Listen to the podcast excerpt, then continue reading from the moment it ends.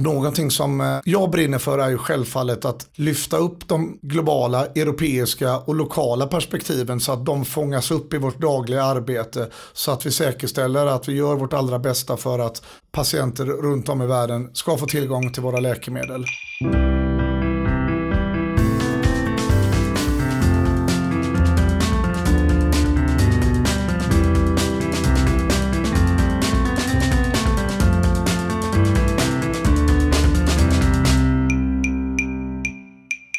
Hej och välkomna till detta poddavsnitt där vi idag ska få stifta bekantskap med en person som är en av dem på Bristol Myers Squibb som jobbar globalt för att cancerbehandlingar ska nå patienter runt om i världen och däribland då svenska patienter. Och just tillgång till behandling tänker jag, det får bli lite temat här för det här samtalet som eh, leds av mig, Anna Johansson, Governmental Affairs Manager på Bristol Myers Squibb. Nico Backman har tidigare lett det svenska Market Access-teamet på Bristol Myers Squibb och flyttade för ett och ett halvt år sedan över till huvudkontoret i USA där han nu jobbar som så kallad Worldwide Access Strategy Lead. Varmt välkommen till studion Nico. Stort tack, eh, jättehärligt att vara tillbaka på svensk mark först och främst och få träffa er alla. Helt underbart att ha dig här. Ehm, jag måste bara först, vad betyder din titel egentligen? Den här Worldwide Access Strategy Lead. Vad betyder den och vad innebär den i praktiken? Vad är det du egentligen jobbar med? Eh, tack för frågan, eh, jättebra fråga och det är någonting som eh, har ställts till mig genom åren sedan jag flyttade över. I grund och botten handlar mitt arbete och min titel om att genom hela vår utvecklingsprogram eh, säkerställa att vi gör allt vi kan för våra läkemedel ska nå ut till så många patienter runt om i världen som möjligt. Med det sagt så handlar det i flera delar. En del som mitt arbete omfattas av är att jobba med de kliniska utvecklingsteamen när det handlar om studiedesign för att säkerställa att vi tar tillvara alla de utmaningar som vi har runt om i världen så att vi ger oss själva den bästa möjligheten att eh, visa den effekt som behövs i de kliniska studierna, att säkerställa att patienter inte får mer biverkningar än nödvändigt, men också att vi har olika mätvariabler som olika länder runt om i världen behöver ha, som exempelvis att vi säkerställer att vi har rätt jämförelsealternativ, att vi har de patientrelaterade utfallsmåtten som behövs i studierna. Är det någonting vi behöver göra från så kallad precisionsmedicin, det vill säga behöver vi ta hänsyn till olika typer av biomarkörer när vi designar våra studier. Det kan handla även om att titta på olika endpoints, det vill säga vad är det vi behöver mäta i olika stadier av våra kliniska studier för att vi ska kunna uppnå en access runt om i världen så att patienter har tillgång och subventionerade läkemedel beroende på var i världen de bor. Mm. Okej, okay. allt det här som du nämner nu, ska vi liksom gå igenom det steg det för steg ser jag fram emot. i det här samtalet. För det här finns en, eh, en ocean av kunskap eh, som ni förstår här eh, lyssnarna. Så där kommer vi komma in på i, i samtalet. Först bara, alltså du flyttade över då från Sverige till USA för ungefär ett och ett halvt år sedan. Någonting sådär. Vad, vad har varit den största omställningen för att göra den flytten? Om vi börjar med några korta ord om eh, det privata och sedan går in i det arbetsmässiga så kan jag väl skicka med om det är som så att det finns fler personer i läkemedelsindustrin eller i andra branscher som funderar på att flytta så ta er tid att planera det hela så noggrant så, som möjligt och så tidigt som möjligt. För det hur väl man än förbereder sig och försöker förbereda sig så, så upplever jag att eh, man har inte förberett, jag har inte förberett mig noggrant nog. Det är otroligt mycket pappersarbete, mycket byråkrati och administration som man behöver tänka på.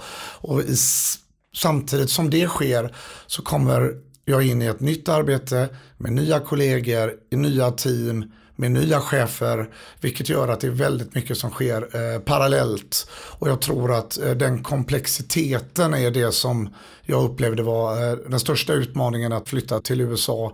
Och vid sidan av det självfallet också att, att lämna eh, familj, vänner här i Sverige, att lämna arbete och kollegor som där jag har varit trygg och där har fungerat bra tillsammans. Så det är väldigt många olika saker så att det är väl lite som en kostcirkel om vi går tillbaka till hemkunskaplektionen eh, i klass 9A där vi skulle få så många delar på tallriken som möjligt och när du gör en sån här flytt så kan jag lova att tallriken kommer vara överfylld till slut. Mm.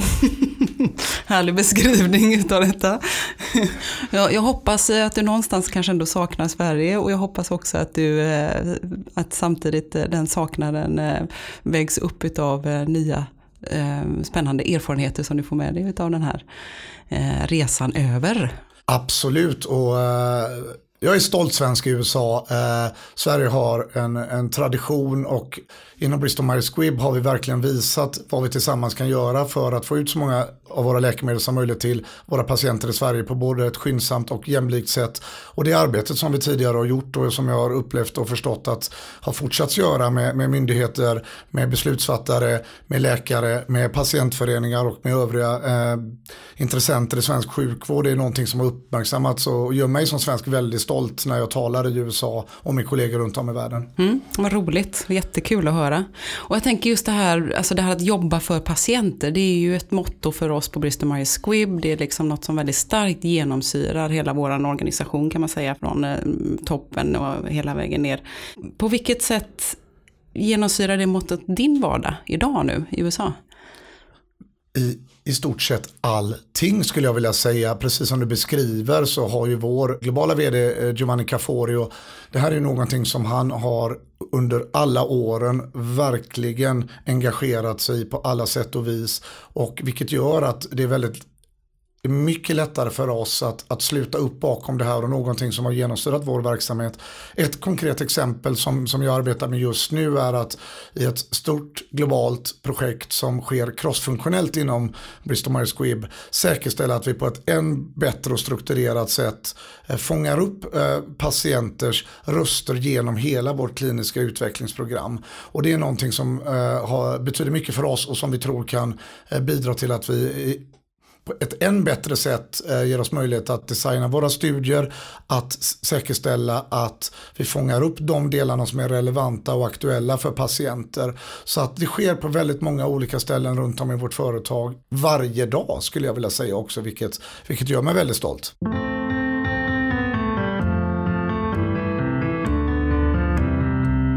Du var inne på det här med patientrapporterade utfallsmått och sånt här. Vad, ur ett lite mer globalt perspektiv då med patientrapporterade data och sådär, om du nu får företräda det här globala perspektivet. Och hur ska vi i Sverige tänka eh, vad gäller det?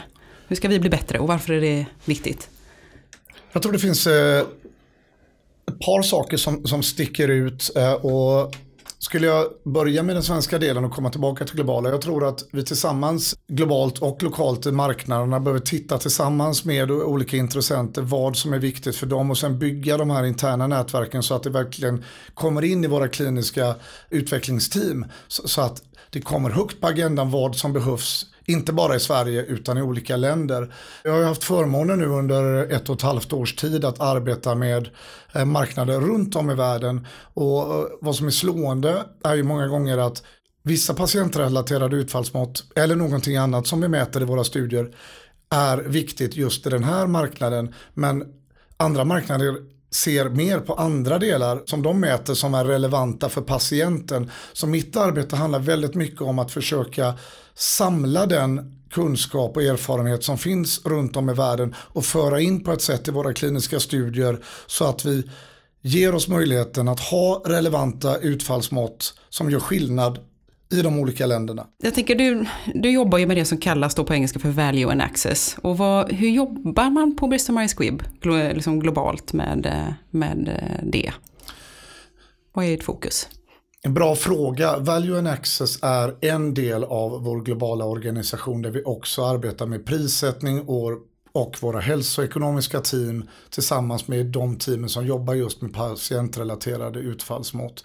Så, så mycket av arbetet handlar som vi har sagt ifrån den väldigt tidiga utvecklingsfasen i att säkerställa att vi gör allt vi kan för att patienter runt om i världen ska få tillgång till våra läkemedel. Det handlar även om att ta fram globala strategier som marknaderna har nytta av. Att ta fram all evidens och samla evidens så att marknader har det underlaget som behövs för att de ska, så som exempelvis i Sverige, kunna skicka in sina underlag till myndigheter såsom hälsoekonomiska underlag, underlag för olika typer av subventionsrapporter. Och det skiljer ju en hel del runt om i världen. Ja, jag tänkte komma in på det. Är det stor skillnad mellan länder? Eh, det är väldigt stor skillnad och eh, för mig som har haft eh, förmånen att arbeta under många års tid i Sverige så, så är det någonting som, som jag har fått lära mig väldigt mycket under den här perioden. Att det vi har trott har varit standard i Sverige skiljer väldigt mycket runt om i världen.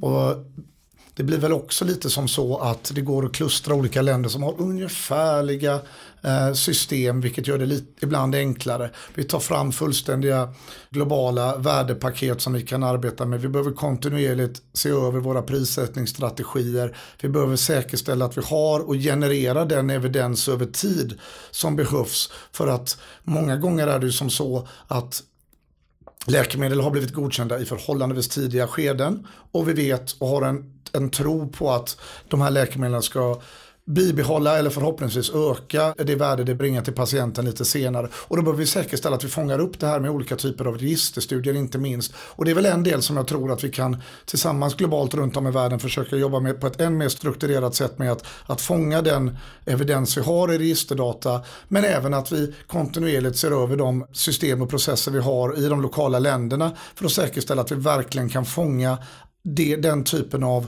data som behövs för att kunna göra uppföljningsstudier för att kunna bidra till myndigheter och andra beslutsfattare med underlag som säkerställer att våra läkemedel fungerar lika bra eller bättre i praktiken som det gjorde i de kliniska studierna. Mm. Och det här diskuteras ju jättemycket här i Sverige eh, på, liksom, på den nationella och även på, liksom, ner på den regionala nivån i Sverige tänker jag väldigt mycket.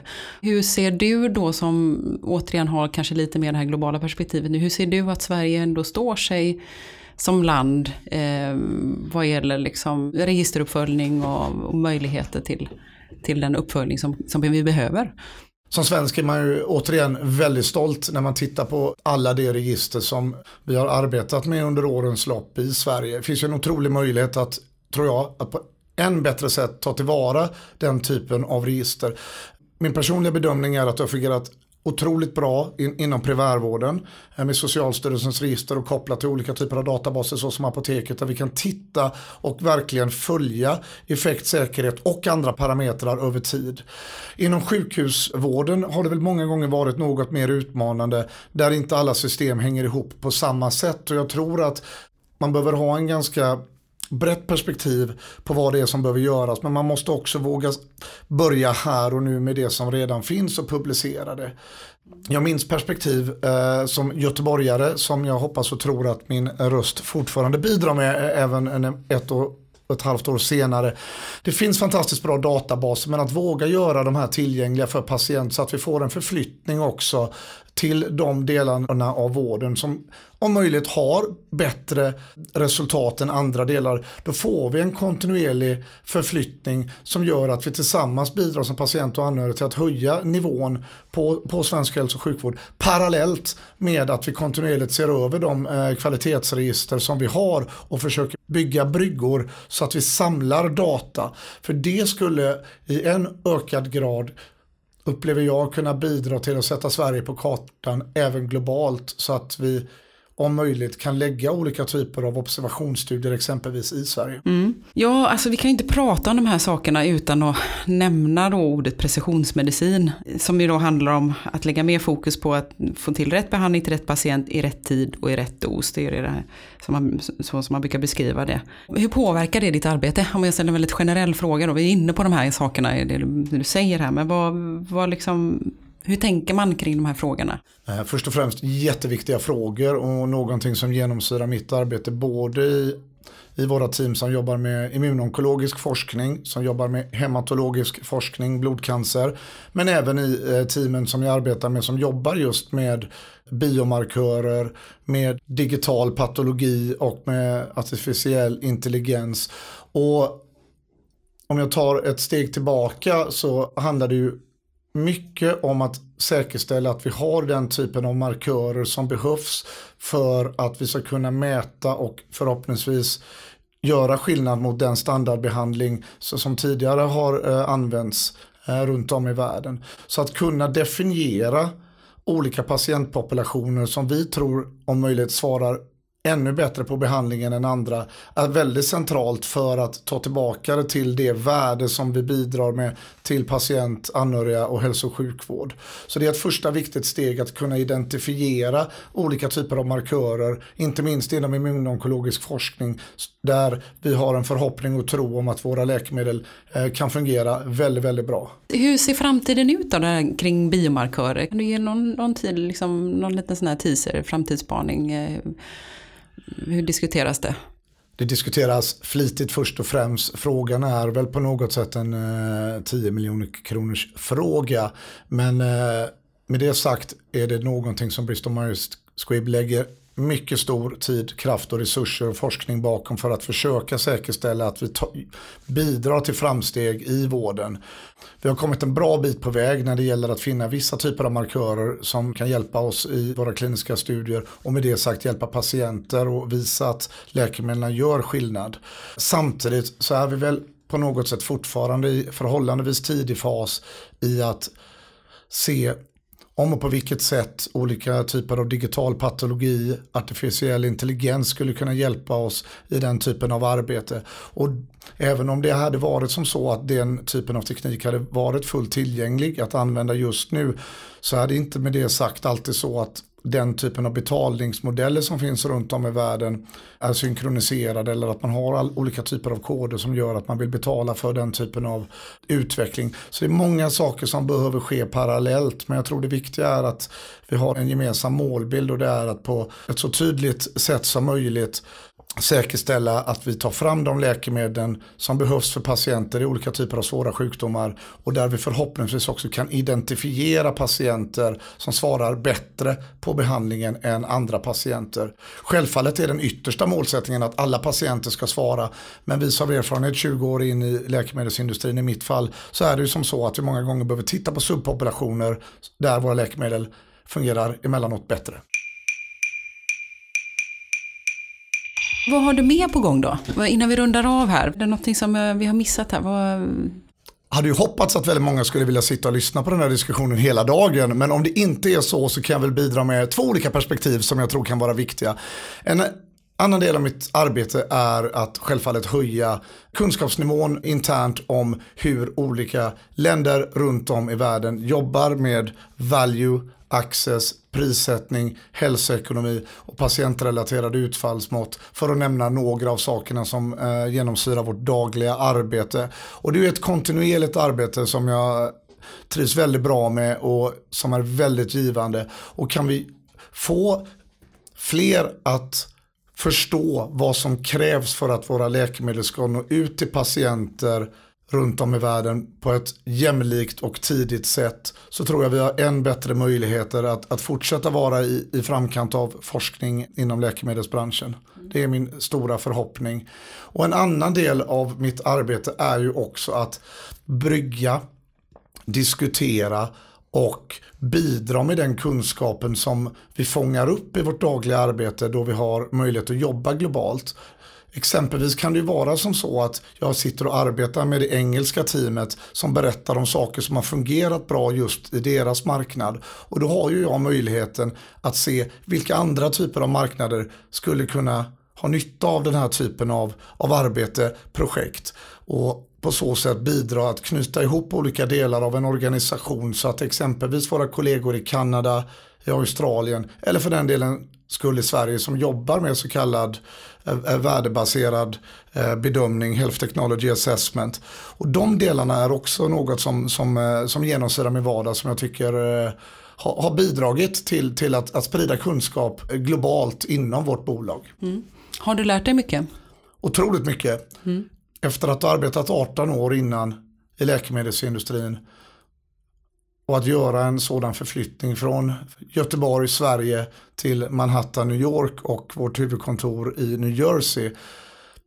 Så är det ganska skönt att ramla ner på ruta ett och få börja om och lära sig saker och ting på nytt igen. Hur ser teamen ut? Jag har förstått att de är väldigt, eh, det är väldigt blandat, väldigt internationellt på den här globala nivån som det är på. Det är väldigt många personer från runt om i världen. Många som har arbetat på den amerikanska marknaden under hela sitt liv. Och någonting som eh, jag brinner för är ju självfallet att lyfta upp de globala, europeiska och lokala perspektiven så att de fångas upp i vårt dagliga arbete så att vi säkerställer att vi gör vårt allra bästa för att patienter runt om i världen ska få tillgång till våra läkemedel. Och USA som i så många andra bolag är vår största marknad otroligt viktigt. Men det finns så många fler patienter runt om i världen som skulle ha nytta av våra läkemedel. Så det är något som genomsyrar mitt arbete och där jag hoppas och tror att jag kan bidra med perspektiv som inte alltid möjligtvis hade fångats upp tidigare. Roligt att höra, viktigt arbete du gör och eh, det är viktigt att, eh, att man kan jobba på den globala nivån med olika eh, perspektiv från olika länder. Så det, är vi, det är vi väldigt glada för att du, att du gör. Eh, Sammaledes är det ju någonting som jag hoppas kan, kan bidra till att vi får ytterligare perspektiv in i en global organisation och fångar upp olika delar av sjukvårdssystem från, från hela världen in i vårt eh, dagliga arbete. Det har varit jättekul att ha dig här Nico. Eh, bara en sista fråga innan du måste springa vidare här i ditt gedigna schema som du har nu när du är på besök. Ehm, vad tror du blir den största förändringen eh, inom ditt område? Låt säga de kommande fem eller tio åren, det perspektivet. Här har vi ytterligare en, en, eh, härlig fråga som, som diskuteras flitigt. Delar som jag tror kommer påverka området och mitt område som du ställde frågan en del är ju den diskussion och utveckling vi redan ser i USA. Där diskussioner inom administrationen för Trump tittar på olika typer av, av lösningar som, som internationell referensprissättning som vi kallar det i Sverige. Och det är mycket diskussioner som skulle kunna bidra till en förflyttning. Vi ser ju också att det är en ökad andel läkemedelsbolag i Asien, i Kina. Och det är någonting också som jag tror kommer förändra vårt arbete inom läkemedelsindustrin inom de närmsta 5-10 åren. Jag tror det är lite tidigt att sia på vilket sätt den förändringen eh, kommer påverka eh, läkemedelsindustrin och eh, enskilda bolag. Men med tanke på att två av världens största marknader är i en kontinuerlig utvecklingsprocess så vågar jag väl ändå uttrycka mig som så att jag tror att den typen av diskussioner som vi har haft här i Sverige under så många år kommer bidra till att vi behöver göra andra saker på andra sätt inom de närmsta åren. Och jag är jättenyfiken på att följa med på den resan för jag tror att det kommer att förhoppningsvis kunna bidra till att vi kommer att kunna öka anslagen till forskning runt om i världen. Vi kommer kunna ta tillvara på forskning från, från hela världen eh, för att kontinuerligt utveckla patienters möjligheter att eh, få eh, bättre hälsa och vård. Viktigt, bra. Stort tack för att du var här idag. Nöjet är ju självfallet helt mitt. Tack snälla för inbjudan.